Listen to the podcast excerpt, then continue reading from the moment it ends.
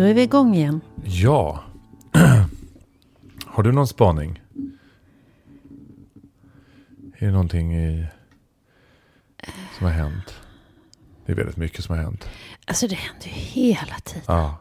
Hela tiden. Ja. Det, alltså från jag vaknar tills jag somnar. Tycker Ja. att det Sover du gott? saker. Jag sover jättegott. Ja.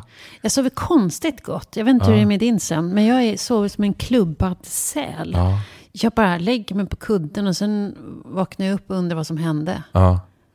Ja, alltså jag sover också bra nu. Jag, jag kan ju sova lite eh, mindre bra i perioder. Mm. Men jag drömmer ofantligt mycket just nu.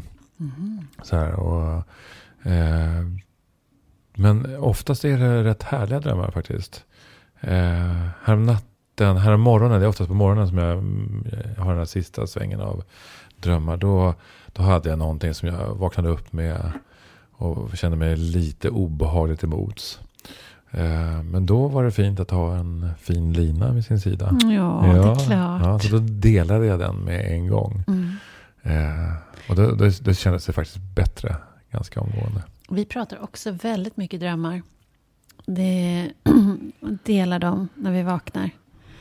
Det, det, det är väldigt intressant. Mm. Och sen försöka förstå vad är det som pågår här nu då. Mm. Och så försöker sortera sig. Är du bra på att tyda dina egna drömmar? Eller är du bättre på att tyda andras dröm- drömmar?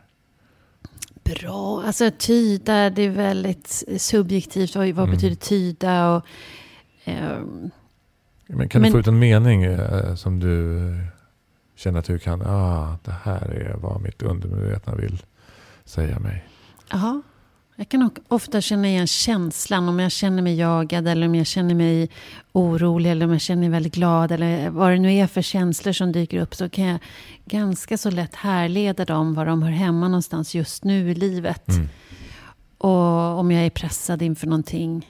Ja, förhållandevis. Men sen kan det ju vara väldigt kluriga drömmar. Mm. Jag har drömt drömmar där jag, där jag är i ett annat format. Och där Mhm. jag är... Vad, vad betyder det format? Alltså ett annat? Jag kan vara så här liten till Ah. exempel. Ja, gulligt. alltså återkommande drömmar som att du, att du drömmer att, du var, alltså att du är extremt liten. precis. Och så säger min hjärna till mig, jag är egentligen inte liten nu, men min hjärna förstår inte mitt format. Ah. Så det här är det närmaste som jag kan visualisera. Ja, Tänka medan jag drömmer. ja. Och, det här är en återkommande dröm också. Mm, Ja. Mm, Hmm. Det där är väldigt intressant. mm. Med, jag gick ju faktiskt i jungiansk terapi en gång i tiden.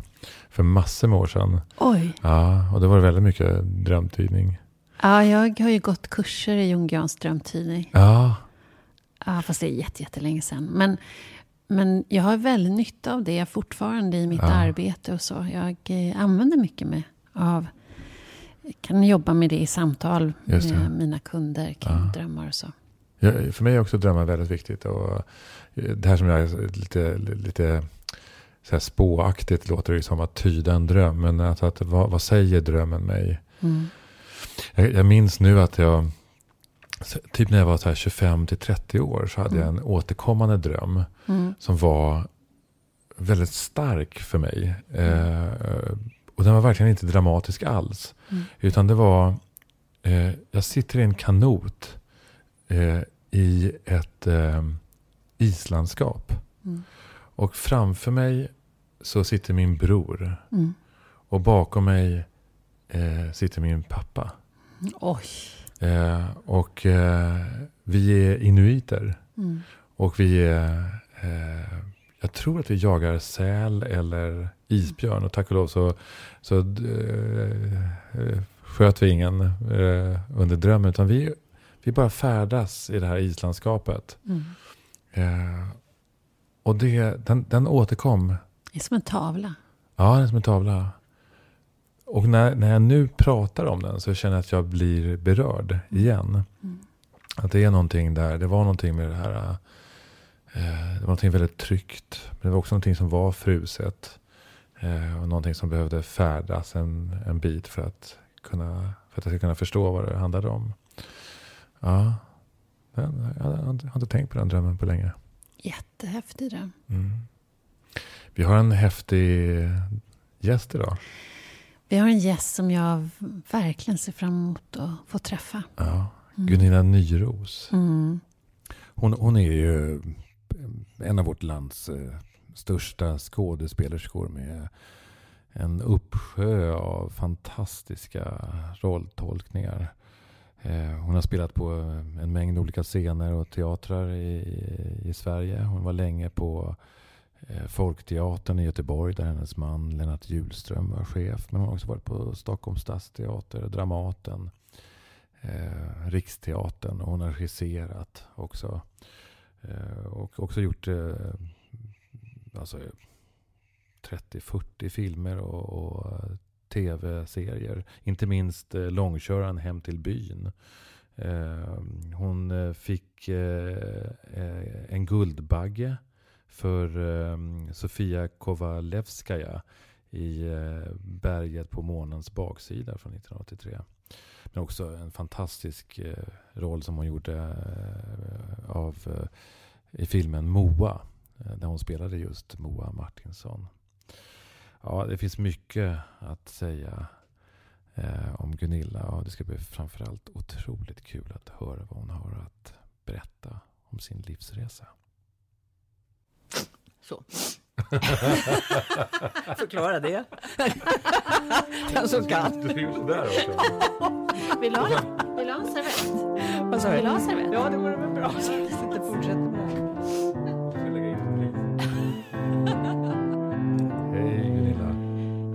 Ruben. Varmt välkommen till podd Mogna. Tack Ulrika. Har du eh, mognat något på sista tiden Gunilla? Ja, jag har tänkt på den där frågan eftersom jag visste att det skulle handla om det. Ja. Och eh, det är svårt att säga, men eh, pandemin har ju naturligtvis gjort att eh, mognaden, ja den är ju nästan påtvingad.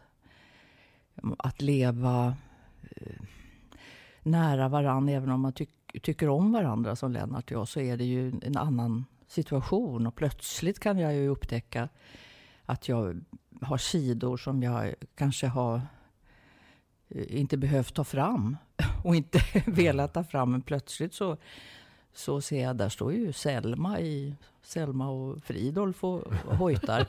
Vad är det här? och då får ju stackars Lennart som då blev Fridolf säga ifrån och då kan vi prata om det. Så att det, det är inte någon... eh, Och då är, jag ju ändå av den kalibern att då börjar jag tänka, nej det där kan jag ju inte, så där kan jag ju inte bli.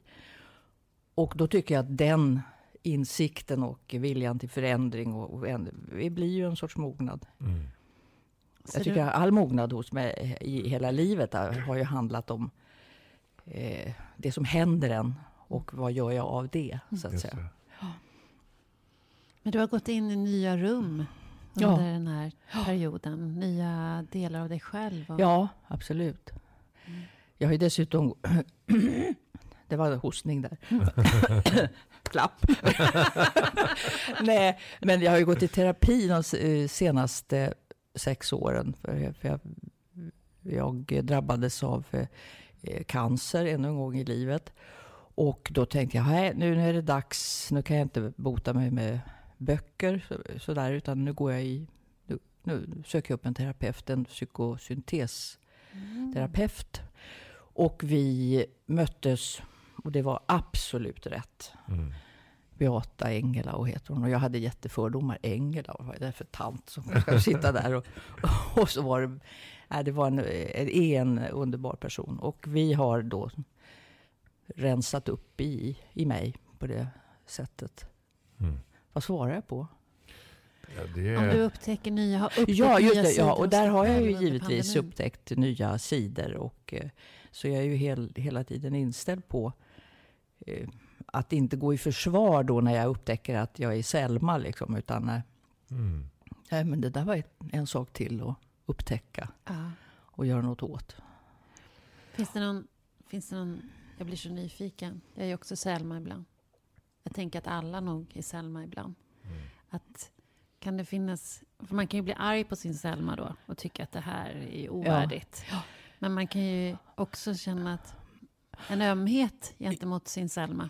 Absolut, det är ju inte bara att kicka ut henne sådär, utan det är att ta reda på varför blir jag en Selma och vad är det egentligen? Och då, då hittar jag ju både rädsla och, och rädsla för situationen. För min man var, var också sjuk ett tag och eh, han är äldre än vad jag är. Och då, eh, ja, och, då, och mycket ändras i spelet emellan oss. Att jag tar ansvar för vissa saker. Och då, och då, då kom Selma fram. Mm.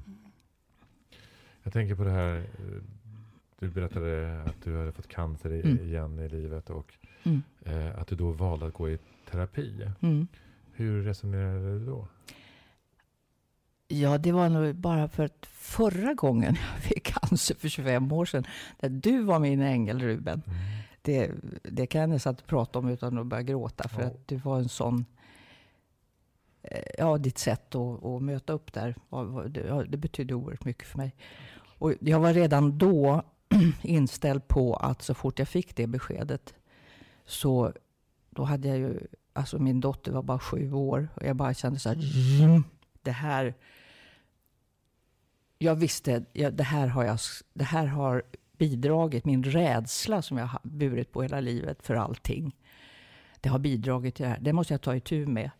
Så jag tog itu med det. Mm. Jag gick inte till en terapeut, men jag har ju alltid hållit mig... Jag fick ett tips av en, av en, eh, ett, en synsk kvinna som, sa, som gav mig en bok eh, som handlade just om psykosyntes. Fiorucci, Bli den du är. Mm. Och den blev väldigt, alltså den, den gav mig, så jag kunde faktiskt eh, hjälpa mig själv där med att skilja på vad är jag och vad är rädsla.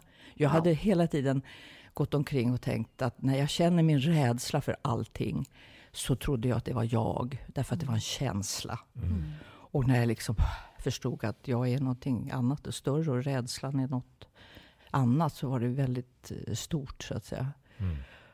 Så att, eh, och dessutom gick jag 17 år hos Thomas som du skrev som sådär. Mm. Så att det, förlåt. Kom du på det när du var i 25-årsåldern att du inte var din rädsla? Att jag inte... Var din rädsla? Nej, oh gud, jag var ju 48 mm.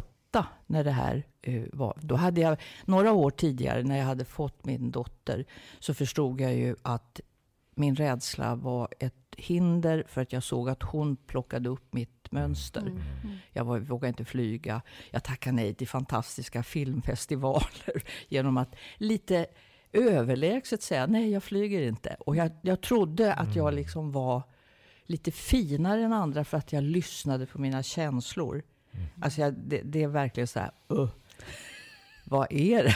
Mm. När jag förstod att, ja, så, så, så, tyckte jag. Men då började, hade jag börjat när jag såg Hanna börja också bli rädd för att flyga och säga nej, det här får inte gå. Så jag pressade mig själv till att att, att flyga. Jag köpte så många Barbie-dockor som att man blev ruinerad nästan när vi skulle mm. lyfta och landa. Så att hon mm. fick pyssla med. Men sen var vi en gång i Milano. Hade vi tagit oss dit. Och eh, Lennart pratade med mig om någonting. Och vi blev, hamnade i någon sorts... Eh, vi grälar ju aldrig, men något som liknade ett gräl. Och jag sa att du måste respektera min rädsla. Och då sa han, i helvete jag tänker respektera din rädsla. Och jag bara, vad är det här? vad är det för man? Nej, men, och jag blev naturligtvis så här. Och det hade jag ju med mig tills jag började ta tag i det här och hittade skillnaden. Så det var ju en väldigt... Eh, var bra bagage att ha med sig när ja. jag väl började ta tag i det där. Mm. Och det är så mycket, jag får så mycket tankar ja, i, i den där berättelsen. Jag, jag, tänk, wow. jag, dels det här att kunna... Ja, men det här med att man är lite... Eller att det är väldigt fint i alla fall att lyssna på sina känslor och stå mm. upp för sina känslor. Ja, för mycket många är det ju som kämpar att överhuvudtaget känna något. Mm. Och sen också våga verbalisera sina känslor och våga stå för sina känslor. Ja. Vad de än är för någonting. Ja. Oavsett om det är sådana fula känslor som Mm. svartsjuka och ha-begär. Och, och, och, men att ändå våga formulera dem och stå Ja. upp att så här känner jag. jag kan, Ja. det, det kan vara dumt men jag känner det här. Ja.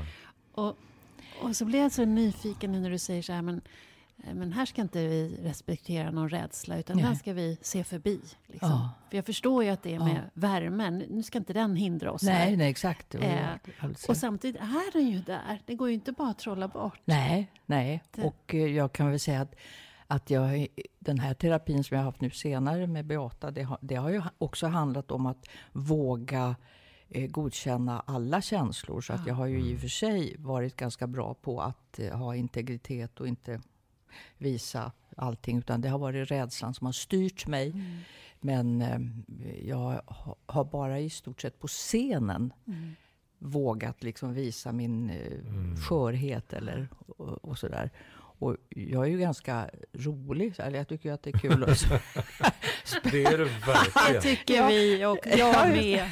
Men att spela komedi och sådär. Och jag vet att tidigt, eh, så, så när jag jobbade med Thomas von Brömsen när jag, när jag var yngre, så, så sa han, men herregud, du ska ju spela komedi. Och så här, "Nej, jag har inte gråtit färdigt på scenen. Så att det var liksom så nödvändigt att bli, att visa den där skörheten där då. Mm. Och sen, men nu är jag färdig med det, tycker Mm.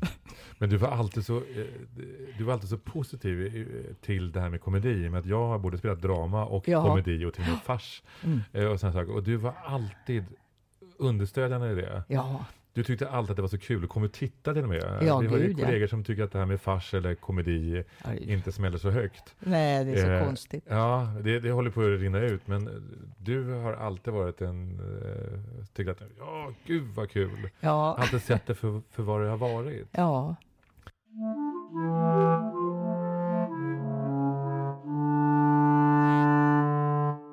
Men, men jag tänker så här, vad, vad kommer rädslan ifrån? Vad, vad är ursprunget till när det blir flygrädsla och när det blir andra sorters rädslor? Vad, vad är det som klingar i dig? Mamma. Mamma. Ja, Mammas oro, Ja. mammas egen rädsla, historia tillbaka i tiden. Och Mm.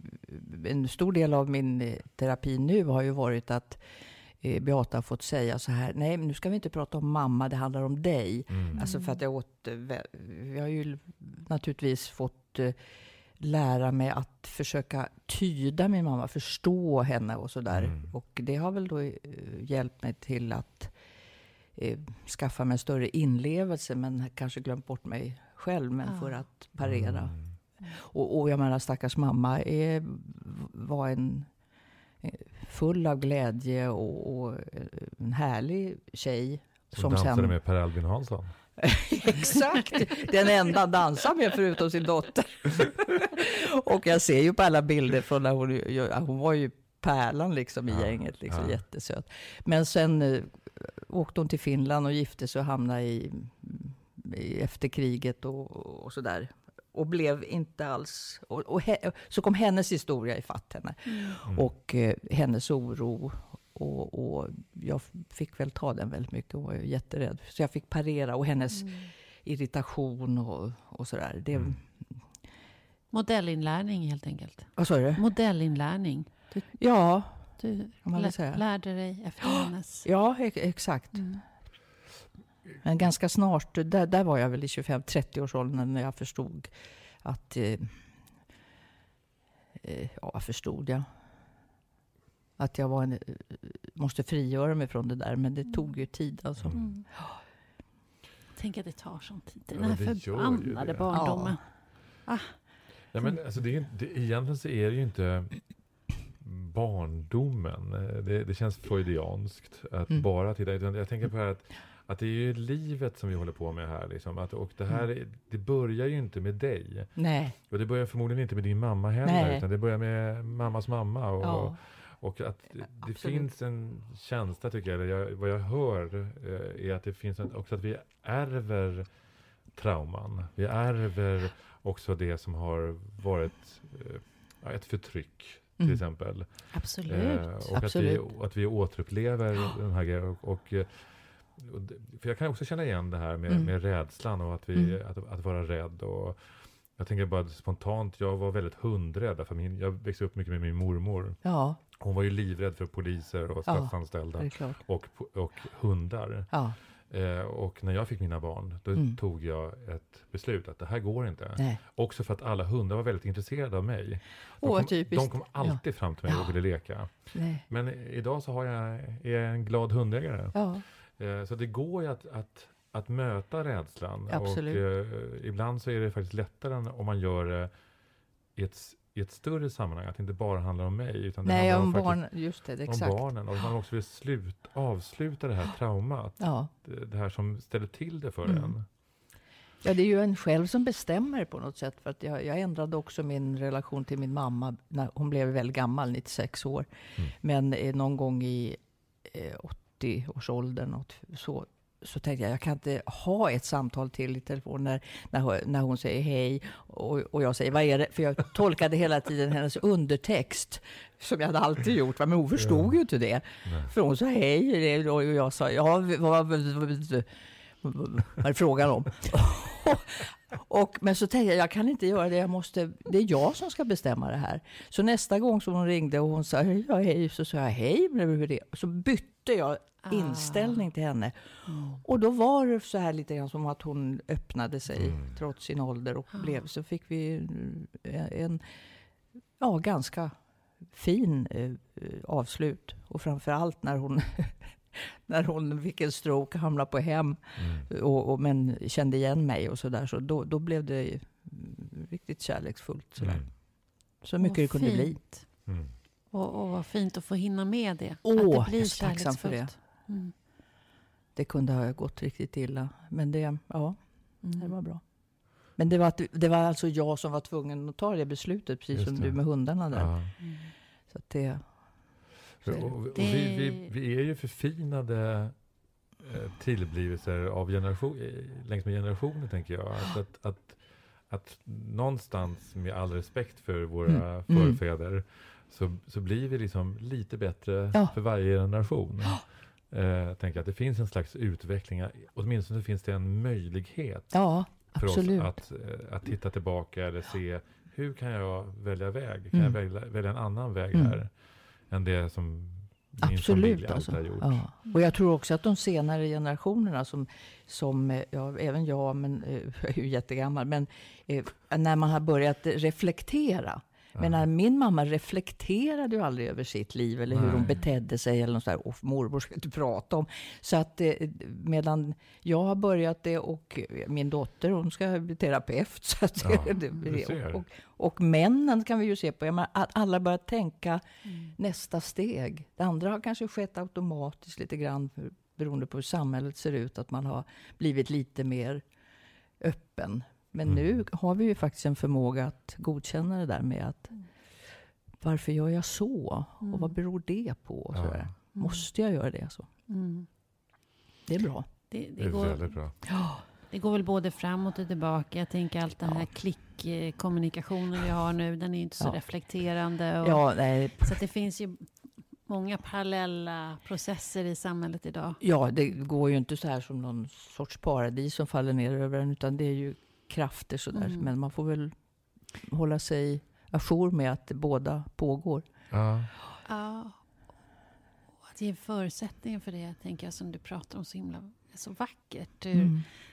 Den här resan som, som bara fortsätter Mm. i, i hela ditt liv. Ja. Som du, det bara fortsätter och fortsätter. Ja. Ditt reflekterande och utforskande. Mm. Och det är ju helt Ja, det är fantastiskt. spännande att titta. För en av era frågor var det här med livsresan. Tänkte Ja. jag på. Att jag har nog alltid eh, sett på mig, gått tillbaka och sett att ja, men det där hände och då var det tvunget och det lärde jag mig av det och det Mm. och det och det. Så att jag tycker att min livsresa är helt logisk Mm. och, eh, och vacker på något sätt. Så att Mm. det, eftersom jag ändå, jag sitter ju inte i soptunnan nu utan jag, det har gått bra. Mm. Det, det går ju väldigt bra. ja, Mm. Det får jag lov att säga. Mm.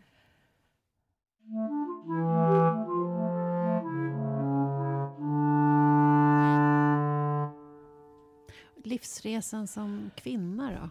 Ett kvinnoperspektiv. Du, som har, du har ju ägnat stora delar av ditt liv på scenen och i ditt... Ja, det där var intressant. För, när, liksom, jag vet ju att jag är kvinna eller... Uh, jag, jag menar, jag är människa. Det, det har jag alltid tänkt. Och sen har jag, uh, så är jag kvinna tydligen. Jag mm. kan föda barn. Och, men det har inte intresserat mig särskilt mycket. Mm. Jag har jag har heller inte, tror tro jag, hemfallit åt några liksom, såna här yttre mm, kvinnliga spel eller något sånt där. Utan jag har nog varit försökt vara ganska rak. Och sen är jag nog, men jag är väl inte manhaftig heller som man säger. Utan jag, jag, vet, jag, vet, jag tycker det på ett sätt är ointressant. Det är inte ointressant när man tänker på hur hur det styrs i samhället eh, och hur man värderas som kvinna och man och, och sådär. Men jag är tyvärr inte sådär, eller vad man nu ska säga, intresserad. Mm. Jag är intresserad av att läsa av det och jag blir berörd av människor som kan berätta om så här går det till. Och det tror jag absolut på. Jag, menar, jag tänker på metoo och hela... Det är väl jättebra. Men mm. eh, jag vill nog... Eh, eh jag vill uppehålla mig lite mer innanför det här skalet. Mm. Den här boningen vi har. Och, mm. och är, vi, vi är den här själen här, mm. den här människan.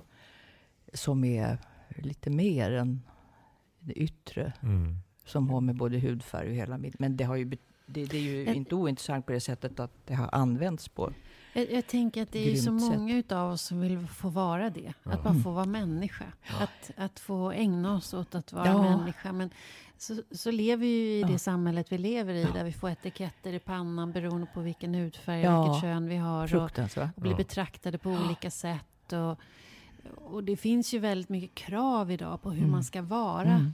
Som man och som kvinna. Och, och kvinnor nu som skär om sig hur mycket som helst. Och, så det...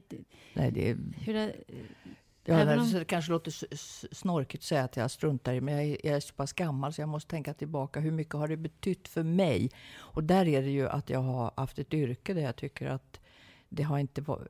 Ja, alltså man kan köra roller hit och dit och bla bla bla. Men eh, det har handlat om begåvning väldigt mycket. Mm. Eh, ändå. Mm. Som det inte skulle ha gjort naturligtvis om jag haft ett annat yrke och stått mm. någonstans. Och bara varit påmind om att jag var kvinna. Mm.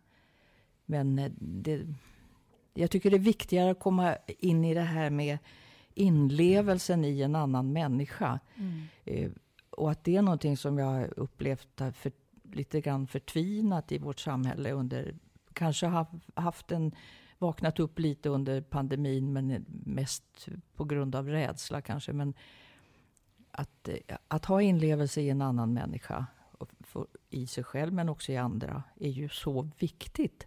Och det, det är någonting som jag, för, jag har förtvinat och har ersatts av, av pengar. Mm. Mm. Och allting, och att tro att man kan förena inlevelse och att ändå göra vinst på det. Det är mm. för mig så här, uh, det är vår tid som är uh, det skrämmande och sämsta. Mm. För jag tror att det finns människor som menar att jag har jättemycket inlevelse. Jag vill hjälpa de här uh, barnen och, och, och, få, få betyg och de här äldre och må bra. Men det är väl inget fel att jag kan få tjäna lite pengar på det. Jag tror att det händer någonting med människor mm. då som inte är bra hur schyssta de än känner sig. Det handlar om jaget helt plötsligt. Ja, exakt. mm. Egot tar ett jätte... Och, det, och kanske förväxlad med att egot, mm. precis som jag för, förväxlar rädslan med mig själv. Mm. Så att det, det... Och då är den där inlevelsen, tycker jag, i, det är ju vårt yrke. Mm. Inlevelse i att vara skådespelare och så. Här. I princip så tänker jag när jag lyssnar på dig, så du är ju allt vad gender är, eh, vad man talar om egentligen. Alltså vad är det för något? Gender, alltså det här att vi är någonting annat än ja. vår könstillhörighet. Ja. Att, eller att vi är mycket mer än det. Ja, eh, och att eh, jag, jag tänker så här, utifrån vårt, vår, vår, vår profession då, skådespeleriet. Mm. Tänker du då att i princip så skulle en kvinna kunna spela manliga roller och, och tvärtom också. Utan att det egentligen skulle vara några problem. Jag önskar att jag kunde säga att det är inga problem. eh, men då kommer vi, alltså för mig personligen så, så tar det väldigt mycket energi Ja. att titta på en, eh, en man som spelar kvinna eller kvinna som spelar man. Sen kan det vara så här att jag tycker, vad skickligt, vad roligt, vad bra. Men jag, blir inte, jag kommer inte in i den där, för att jag är, jag är eh, för upptagen av att den där människan gör ett nummer på något sätt. Mm. Men jag vet inte, jag kan inte säga att det är, så ska man, att jag har rätt, utan det är bara, eh, där står jag. Mm. En tanke som fastnade hos mig när du berättade att ni som skådespelare tränar på inlevelse, tränar på att Mm. kliva in i någon annans skor. Betyder det också att man tränar empati, att man tränar Man kan ödmjukhet? Ja. Ja, Alltså, det borde, Ja, borde det ju vara så. Ja. Men jag tror också, det, då kommer jag att tänka på det här med, eh, som är yrket, eh, vårt yrke, att man kan hamna i, i imponera eller att eh, kommunicera. Och, eh, man kan ju, och där hamnar kanske det här när jag liksom tittar på någon som spelar något annat, att jag kan bli imponerad av att hur någon eh, gestaltar det andra könet eh, fantastiskt. Man tänker ja, ja, precis så där eh, är det. Eller vad skickligt. Eh, men jag vill gärna gå på teater. Ibland kan det vara kul. Sen cirkuskonster och tjo vad de kunde. Eh, och vad duktig den är. Men den ultimata upplevelsen på teater, det är ju att jag glömmer det och rutt, hamnar rätt in i, i vad som händer mellan de där människorna Mm. där, där, där inne. Och då kommunicerar jag mera. Då, då, då sitter jag inte och blir imponerad av hur duktig, vad mycket den Mm. gråter och så här. Utan jag är bara inne i, Mm. i vad som händer där, Mm. där uppe på, scen- eller på scen. Och, och egentligen är ju det, eh, det- man kan ju nästan säga att teatern är ju en metafor Ja, här. För att det, det är egentligen det vi vill ha i livet. ja exakt. Vi vill ha ju autentiska möten. Ja. Just det, autentiskt, det, det, är ett ledord för mig verkligen. Ja. För mig personligen, att jag vill att det ska vara autentiskt, organiskt och sådär. Men Just sen det. kan man ju hänga upp och ner och ha liksom lösnäsor. Men det måste liksom starta in i, Mm. Ja. inifrån. Så jag tänker att de bästa mötena, jag jobbar ju mycket med samtalet, de bästa samtalen uppstår ju när man lägger hela sig själv bortom och Ja. bara är Ja. i det som är här. Ja, just det. Att när det blir riktigt, för annars när du säger imponerad, då tänker jag att då pågår ju en, en dialog här bakom hela Ja. tiden. Det där var bra, det där var inte bra, Ja. undrar hur jag sitter nu. Och, alltså, men när det där försvinner, om man Ja. bara är. Ja. Då, har man då en upplevelse och Ja. ti, tiden försvinner. Det är Ja. väl så som de här stora gamla skådespelarna har pratat om. Om det var Lars Hansson och Anders Henriksson de spelade någon gång och plötsligt så bara var det en stund som det bara stod still och de var, ja, tiden försvann. Ja. Och det, det här kan ju hända i någon Ja. magisk, några sekunder har man väl haft Ja. i livet. Jo men det går ju inte att ha en hel timme. Det går ju. men, men jag, det, läste, jag läste någon studie någon gång när jag höll på mycket med mindfulness. ja, Eh, att det, man har ringt runt till 10 000 personer. Det var visserligen en amerikansk studie, men i alla fall, man ringde runt till 10 000 personer om det var i tre månader, två gånger om dagen. Och frågade, vad känner du och vad tänker du? Mm. Vad känner du och vad tänker du? Och då konstaterar man att de enda gångerna som det där gick ihop, tanke och känsla, det var när man idrottade, när man Ja. ansträngde sig, Mm. eller hade sex. Titta. Ja, ja, ja, just det. Mm. Annars är man helt annanstans. Ja. Huvudet är där och kroppen är här. Just det. Men nu pratar vi, det finns ju andra tillfällen också här. Ja. Mm. I mötet. Jag har ett minne av det där med, med eh, kommunikation och imponering. På, för länge sedan så var det ett gästspel i Göteborg när jag var på Folkteatern där nere. Av en annan teater. Och eh, den var väldigt hyllad den där föreställningen. Och jag satt och tittade på den. Och bakom mig så satt ett ungt par. Och så var det en skådespelare som kom in på scen som hade blivit enormt hyllad för den var så skicklig. Och det var, det var personen. Eh, och då hörde den där killen som hade bjudit med sig tjejen antagligen. Som han sa så här, "Gud, titta, oh, vad, bra, vad, vad, vad bra den är, jättebra. Mm, titta, mm, så. Och sen, så kom, och sen kom plötsligt en annan skådespelare in eh, som var otroligt, spelade helt annorlunda, som var liksom väldigt, väldigt eh, eh, bra, tycker jag. Alltså på det här andra sättet. Och då blev han alldeles tyst där bakom. Aha. Och sen kom den andra in tillbaka. Till, bra, bra, bra, bra. Så att det, det måste ha varit så att plötsligt så kopplades han bort ifrån det där. Att, det här var väl jättefint att vi Ah. satt och såg det här och så, var bra. Och den var ju bra, men det var två olika Ja, sätt verkligen. Ja. Ja, Jag tänker att det där har också med att göra, också som har väldigt mycket med, med det samhälle som vi lever i, att, Mm. att det handlar om prestation. Ja, Eh, man, det finns, eh, vi, eh, impon, vi ska bli imponerade eh, snarare än att man känner att, att ah, nu, nu hände det. ja. Eh, och, att, att, och att det kan också vara lite olika. Mm. Eh, men att, att jag, jag känner också lite grann det här, vi pratade lite grann om, om, om det har blivit bättre eller sämre. Och, jag har någon slags känsla av att, att det blir sakta men säkert bättre. Och i det Mm. bättre så ingår det att det blir lite sämre Mm. mellan varven. Men att det här paradigmet av att vi ska prestera, det är Mm. sakta men säkert på väg ut. Tänker jag. Att vi går in i Ja. någonting, förmodligen inte under våran livstid och kanske inte eh, Nej. På ett tag. Liksom, Mm. Men ändå att vi är på väg mot någonstans av att nej, det är inte det som Mm. är Nej, jag, essensen i livet. nej, så vill jag också Mm. tro. Det vill jag också Kan tro. inte pandemin ha hjälpt till här för vissa i alla fall? Jag tror det. Ja, jag tror också det. Ja. Jag tänker på mig själv. Alltså, nu är man, jag är pri- privilegierad för att jag har ekonomin så att jag har, och jag är pensionär så jag behöver inte sitta och tänka hur ska jag göra för att klara mig. Utan, Mm. Men vad jag har märkt, det som jag gjorde så väldigt mycket förr, jag är inte intresserad av att gå och shoppa. Mm. Jag shoppade jättemycket förut. Men totalt ointressant. Jag Mm. älskar att gå och fika, det gör jag fortfarande. Men jag gör det i lite mindre Ja. skala. Mm.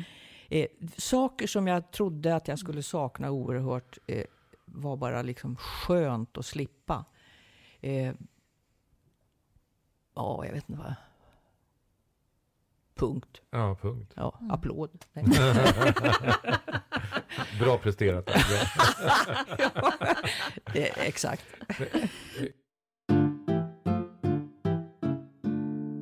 Gunilla, Ja. eh, skulle man kunna säga att du är invandrare? Tänker jag. Du, du är född i Finland. Ja, Ja. ja, det är jag ju på det på sätt och vis. Men nu är jag ju svensktalande så att jag är Ja, finlandssvensk. Min släkt eh, är från utanför Åbo. Ja. Och de eh, är finlandssvenska bönder. Och ehm, de gifte sig då mer och mer med finnar, Mm. finskspråkiga. Så att jag kan ju inte prata finska, tyvärr. Mm. Både mamma och pappa talade finska, för mamma gick i skola i, i, i Finland faktiskt, Mm. fast hon är svensk. Eh, Så, men jag, så jag kan ju inte känna då att jag haft de här eh, problemen med språket när jag har kommit till Sverige. Jag fick heta finnjävel eftersom jag gick i skola på landet ett tag, men det var väldigt kort. Mm. Och eh, jag har aldrig haft några problem med, med kompisar och sånt där. Nej. Det var en upptäckt, apropå en lucka som öppnar sig senare i livet. Mm. Det var att eh, den här eh, barndomen med att vara tyst och timid i hyresrum gjorde att jag trodde att jag var en tyst och timid människa Mm. hela tiden. Och såg mig på bilder, så här, åh, den här blyga människan. Så träffade jag lite klasskamrater från eh, eh, nästan ända bort till sjuårsåldern. Som säger så ah, du var så rolig. Och du höll det hela tiden. Du hade så mycket hyss och du var så jävla kul. Och, va? Och då förstod jag, ja, men det här får jag ju liksom eh, tänka om. Ja. Det där var någonting som jag hade för att klara mig där, men jag var inte sån. Ja. Och det gjorde mig väldigt glad. Mm. Glad men också jag var att 73. du... Men jag tänker också ett tecken på att du har gjort våld på sig själv. Ja, just det. Det Precis. finns lite sorg i det också. Ja, jag. det är klart att det var. Eh, men eh, som sagt var. Att inordna sig så. Det, Men- det är det där när vi tror att vi är våra tankar. Ja, Och när det. tankarna då Ja. inte är helt eh, adekvata eller de är inte li- riktigt livsdugliga. Nej, Eh, det är klart att det fanns en, en bra idé med att du var tystlåten i de här rummen där de inte ville ha barn. ja visst. Eh, det var ju lite grann för eran överlevnad. Ja, visst, det var ju nödvändigt. Men, eh, det, det stämde inte överens med vem du Nej, egentligen är. nej, exakt. Ja. Men det, jag tänker så ser inte livet ut så att vi inordnar oss i olika kontexter utifrån vad som krävs av oss. Mm. För att överleva, för Ja. att, för, eller få framgång eller vad det nu är, ta oss framåt. Det där med just att överleva, för det är intressant när jag tänker just på de där hyresrummen så är det ju att mamma, pappa och jag, vi bodde ju inte alltid i samma hyresrum. Ibland var det så, ibland var det bara mamma, jag och pappa fick åka till Finland och komma tillbaka och sådär. Mm.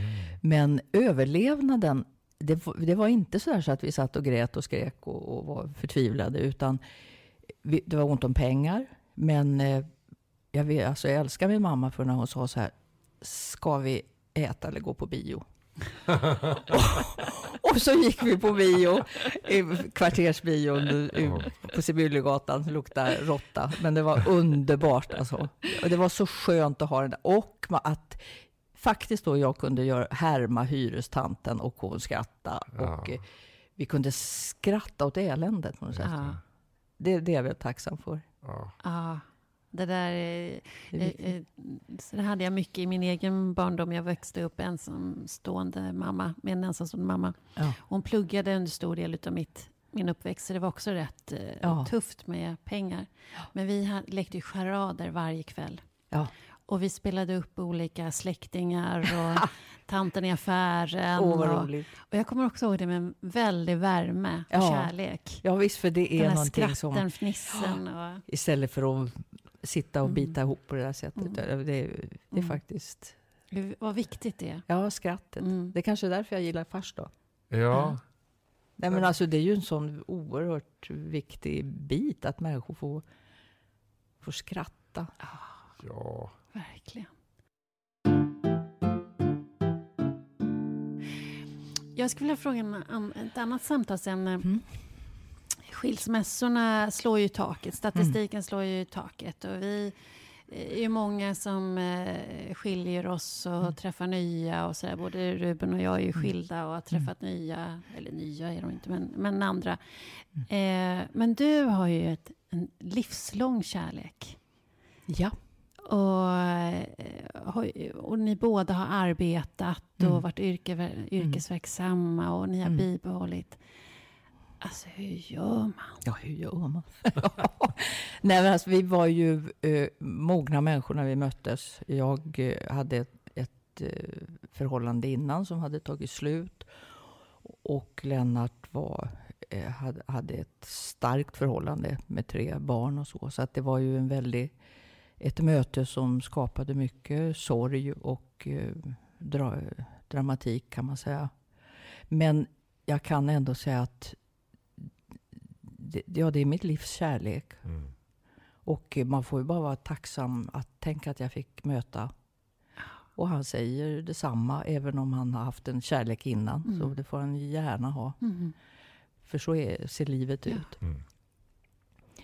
Mm. Så att eh, jag vet inte. Så jag- tror att mognad, mognaden att, Mm. jag, eh, att jag ändå var över 30 när vi eh, möttes. Och hade haft ett bra förhållande innan som jag hade eh, tränat på.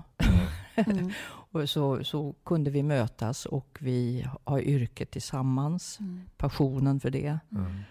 Och sen fick vi dessutom ett, ett barn, en fantastisk dotter, fast jag var över 40, liksom 40, fyllde 41 Mm. när jag fick henne. Mm. Och det är ju en... eh, Alltså jag, jag trodde aldrig att det skulle ske. Jag tänkte, jag har fått välja.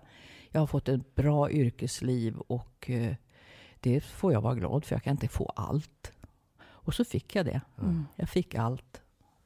Och, det, och, och kärleken till Lennart, det, den är, är ju en mognad i och med att vi är, är så gamla. Men den är, den är, den är varm. Mm.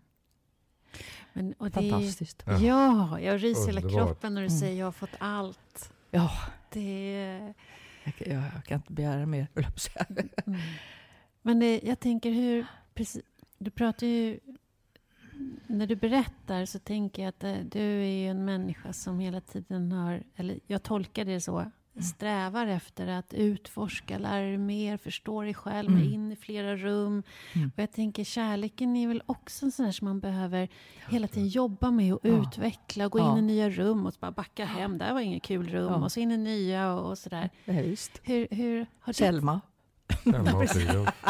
Hon stod där i ett rum. Ja.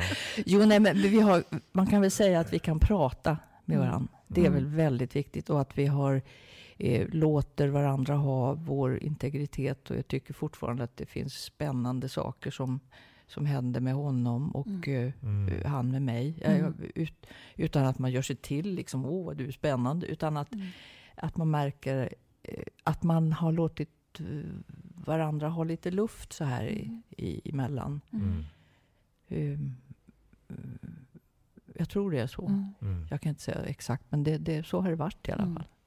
Vad är mogen kärlek? Om vi pratar om mog, mognad generellt. Vad är mm. mogen, alltså processen i kärlek? Ja, ja vad är det? Kan det vara? Ja, det är, alltså man kan inte hålla på och låtsas att den där första passionen ska eh, hållas vid liv. Då blir det ju lite krystat tror jag.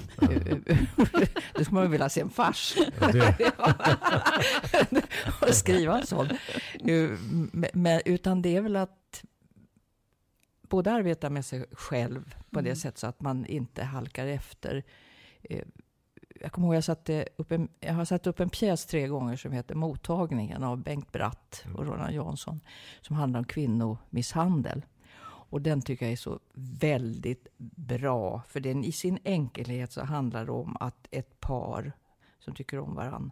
Där hon plötsligt börjar plugga och tycker att det är roligt och utvecklas. Och han blir efter och blir alldeles handlingsförlamad. Och till slut så har, har han inget annat än att han blir aggressiv ja. mot henne.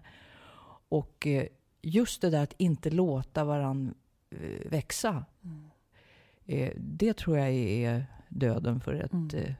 För, för, livet är så långt, det händer saker mm. och, och, och försöker man hålla det så att nu har vi det här och den här soffgruppen och nu är vi så här mot varandra. nu är det bra. Det, ja, nu är det bra. Rör dig inte härifrån, ja. det går ju inte. Och det är så lätt att säga, tänker ja, jag. För samtidigt så kan det vara så skrämmande ja. när man ser hur den andra far iväg i något annat och man förstår exakt. inte vart det är på väg någonstans. Nej, vart tog du vägen så att säga. Och att ändå våga vara ja. i det och tillåta det, ja. fast det är läskigt. Ja. Lite grann nu i, i åldrandet så kan det vara, i och med att, eh, att Lennart är äldre, så, så kan det också, som därför kanske Selma kom fram, att mm. rädsla av att vart, vart, vart tar han vägen mm. då? Mm. Och ska inte jag komma efter? Eller vad, är, vad, vad är det här? Mm. Eh, så att det gäller ju att bemästra den där ensamheten som jag då naturligtvis blir rädd för. Mm. Om det skulle hända.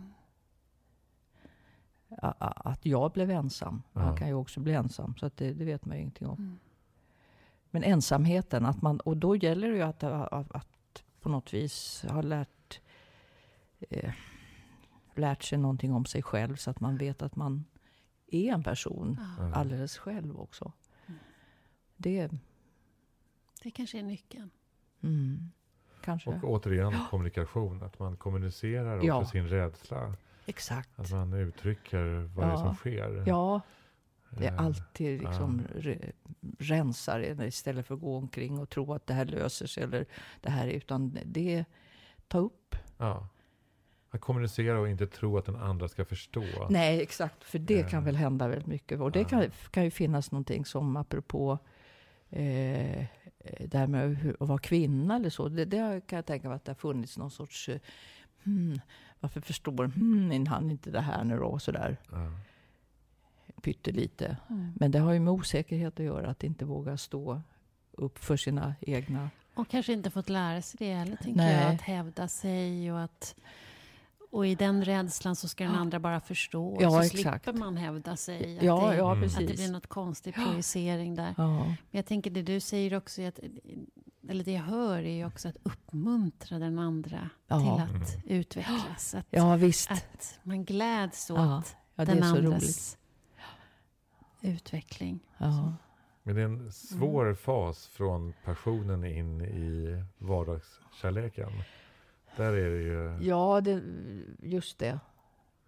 Och där är det väl, där, där när barn kommer in i, i mm. Men det, nu blev det ju så här eh, lyckligt när, när eh, att jag var så pass gammal när jag fick Hanna. För då hade jag liksom redan fått bekräftelse. Annars tror jag att jag hade blivit en urusel mamma. Mm. Eh, alltså någon som jag är inte klar med att visa vem jag är. Va? Mm. Men eh, det här blev ju bara en, en gåva och dessutom eh, eh, kunde både Lennart och jag ha henne med hela tiden. Så att det blev aldrig några... Mm. Och jag hade lyckan att spela en monolog, Shirley Valentine, i åtta år. Som eh, jag kunde vara hemma väldigt mycket. Och, Det var så otroligt bra. ja, Du var helt fantastisk. ja, det var så roligt. Ja, ja känns som vi höll på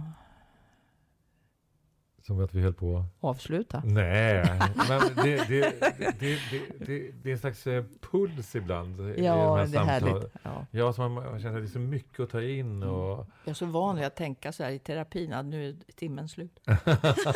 Mm. Jag är jättebra på det. Ja. Ja.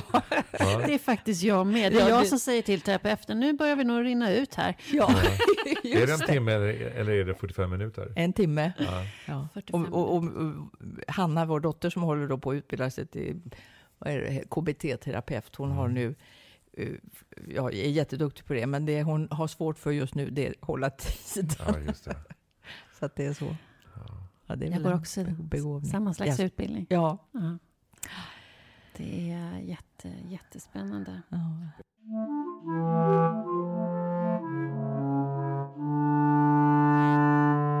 Jag skulle också, du tangerar ett ämne som jag tycker är jättespännande. Jag har ju passerat 50 precis. Mm. Och har en hel del vänner i samma ålder. Vi pratar mycket om att vi nu Är inte är 50. unga längre. Ja, Mm. ja. Mm. Mm. Och att, eh, jaha, vad, vad, är, vad betyder det här? Och man märker det i kroppen, Mm. och man märker det i orken, och man Mm. märker det i huvudet, och man märker på alla sätt. Och det här med åldras, du är ju snäppet före mig Mm. nu då, eh, som tar rygg på dig då, i, i ditt utforskande. Vad, vad är att åldras? Vad, hur har det varit för dig? Jag har tänkt på just det där med 50, för att eftersom jag blev, eh, fick cancer då när jag var 48, 49, så, så kom det ju av sig den där liksom, åh jag ska bli 50. Utan jag var ju så glad, åh jag är 50, jag blir 51, jag blir 52. Såklart. Jag blev helt, eh, och så det har jag hållit kvar så att säga. Så att, eh, för jag tänkte jag, jag måste bli så eh, gammal så att eh, Hanna klarar sig själv så att säga. Mm. Och, eh, men det, var- det var inte så att jag gick... Utan jag bara, det, det var bara en självklarhet på Mm. ett sätt. Och, och sen en tacksamhet att det lyckades. Så det blev mitt åldrande som samtidigt blev... Vad ska man kalla det för? Växande? Nej. Mm. Ja. Eh, Så att åldrandet eh, har väl mest slagit till nu när, när kroppen säger aj, knäna, ka, halta, Mm. dutte. Och, men det- det, är fortfarande så att jag, om jag uppehåller mig mera med vem jag är här inne i den här kroppen så får jag vara tacksam för vilken bra kropp Mm. som har fixat alla, alla de här sjukdomarna och liksom eh, Verkligen. prövningarna Ja. sådär. Eh, och ja, Tack kroppen. Liksom. ja. Och, och, och okej, jag är 75. Och det, jaha, ja, vad bra. Ja, men då har jag ju levt väldigt länge. Ja. Och... Eh, om, ja, bara, ja. Jag vet inte. Väldigt länge vet jag inte. Det är ju bra tid. Bra länge kvar. ja, det 75 kan det ju vara. jag. Ja, mamma Ja. blir 96. Men Ja. det, det... Jag är inte mamma. Men, men det, det är ändå en bra kropp, men det är också en, ett bra sinne. Ja. Eh, Hänger inte det ihop lite grann? Jo, Alltså alltså att, det eh, viktigaste är ju egentligen både sinnet och det som är livskraften Ja, i, just det. li- li- som är livet. Sen är kroppen, det, är- det är bara kul att ha en kropp som man Ja. kan eh, klä kul och den kan röra sig och att få uttrycka sig igenom den. Mm. Men, men jag tänker också att, att kanske hade, om du hade haft ett annat sinnelag än det som du så vackert beskriver här. ja. Då kanske inte hade det gått lika väl. Nej, eh, eh, med din kropp, med cancern. nej. Nej, det, det, det hade säkert eh, gjort det mycket besvärligare. Att din kreativitet är så, att den är helande i sig. Ja, det är, det är den kanske.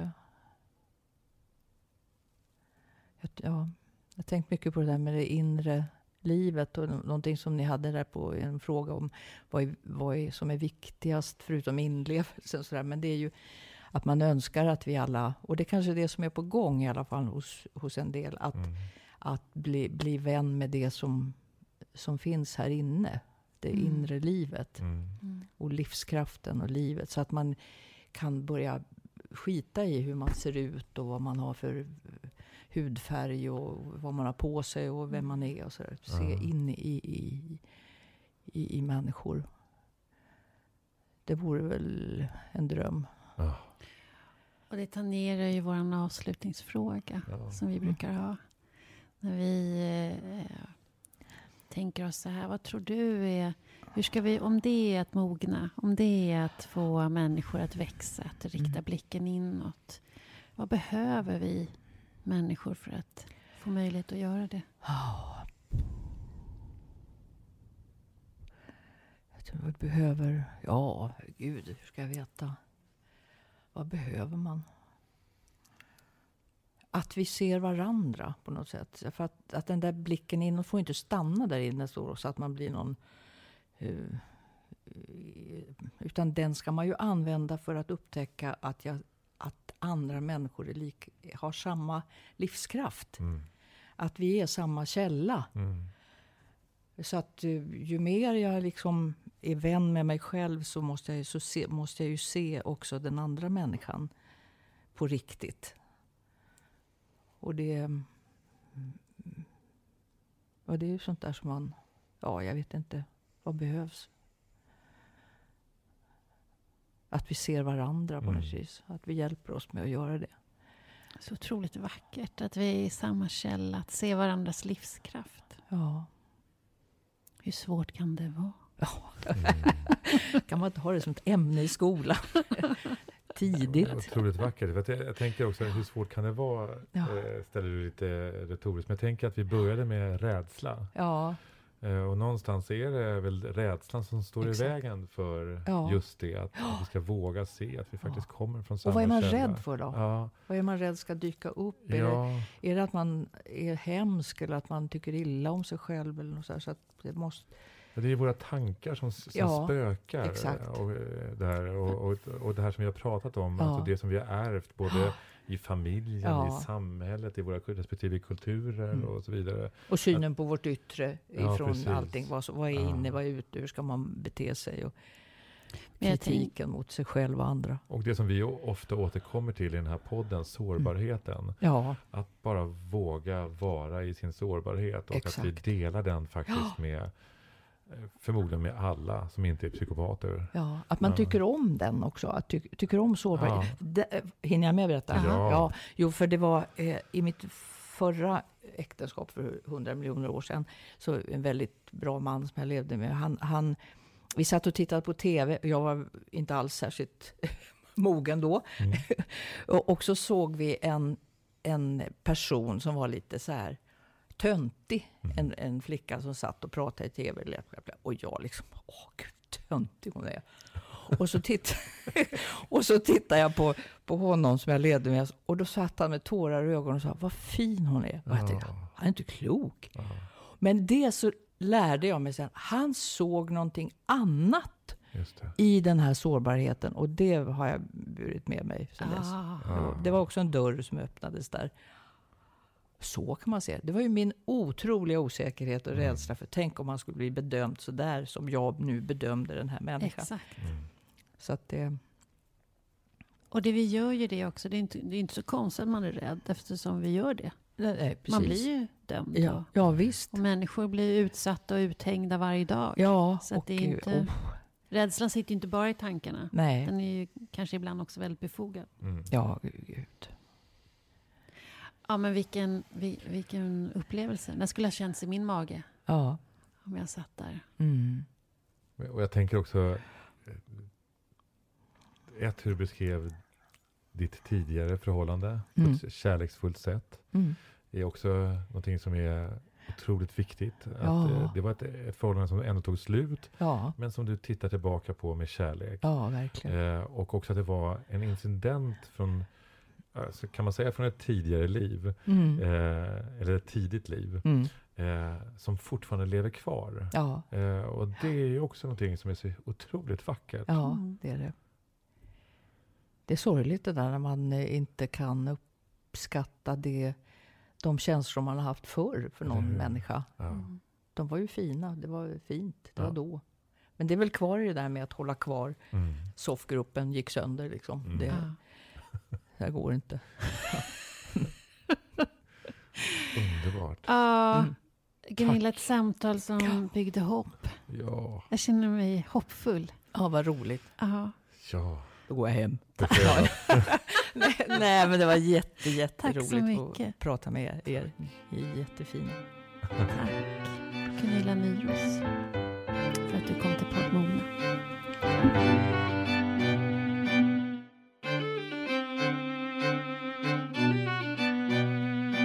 Och nu Arturs reflektioner.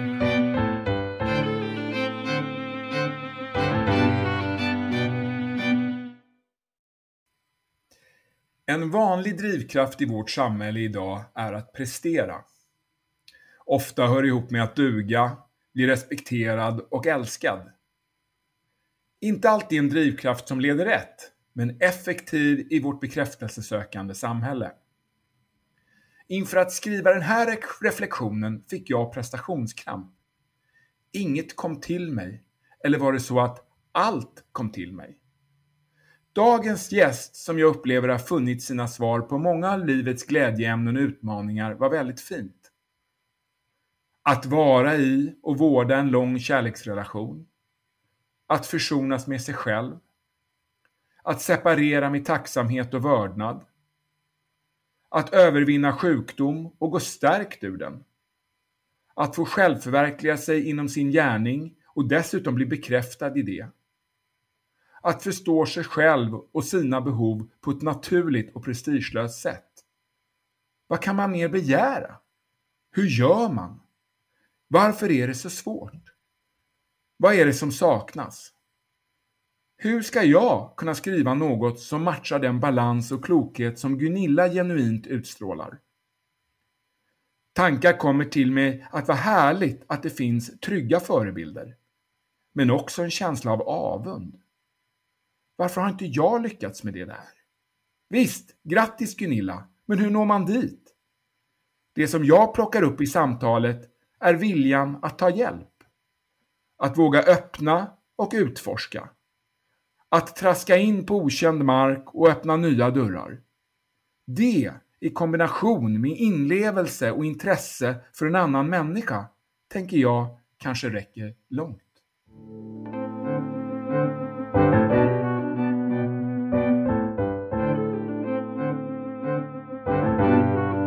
Tack Artur. Tack Gunilla Nyros. Ja. Jag är nästan lite så här tagen. ja, på vilket sätt då? Nej, men hon gestaltar för mig så mycket hopp, så Mm. mycket livskraft. Mm. Och en sån liksom, grund... Eh, ja, grundkärleksfull plattform som hon liksom Mm. utgick ifrån. Mm. Kan man säga så?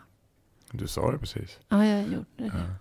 Jag, jag håller faktiskt med dig eh, om det. Och för mig är det också så att när jag, när jag, när jag lyssnar på henne och, och, eh, så förstärks min idé som jag har om att vi är transpersonella varelser. Alltså det här med att det här med huruvida vi är man eller kvinna eller vilken kultur vi befinner oss i eller vilken, hur, hur vi ser ut och, och så vidare. Att det är betydligt mindre viktigt. Mm. Och att det också finns någonting som är evigt, någonting som fortsätter hela Mm. tiden. Och det tycker jag att, att jag kunde höra igen när Mm. hon berättar nu om sitt liv och, och eh, sin, sin livsresa. Mm. Verkligen. Och sen när man börjar gå i terapi när man är 70-årsåldern. Ja, Alltså det bygger så mycket hopp. ja, det gör ju det. Sen är det, jag tycker ju att det är fascinerande. Vi återkommer ju till temat barndomen och att det spelar ju ingen roll hur gamla vi är. barndomen kommer ju tillbaka och gestaltas i en Mm. mängd olika perspektiv beroende på vilken, vilka skor vi står i eller vilken, vart vi tittar ifrån för Mm. håll. Men att det hela tiden kommer tillbaka. Mm. Mamma pappa och vad som hände och vad man gjorde och syskon och Mm. Gamla lärare. Vad det nu kan vara för någonting. Vilken, jag undrar om det har, är så att det har så otroligt stor betydelse. Eller om det är där vi tar vårt avstamp. Mm. Som en spegel. Mm. Liksom. Precis.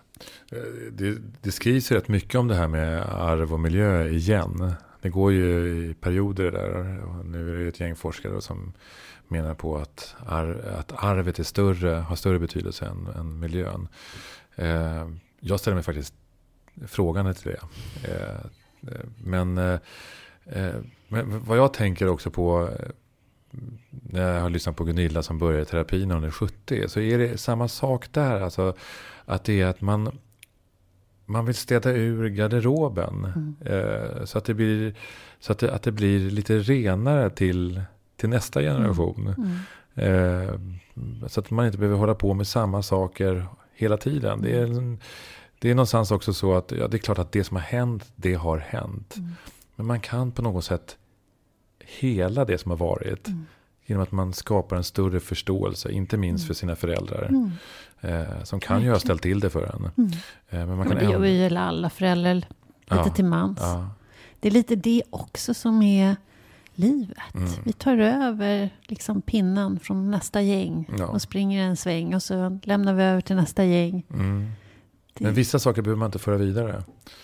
Eh, behöver? Nej. Nej. Nej. det är mycket man inte behöver. Men det kan ju vara så att man gör det ändå. ja, det, så är det ju.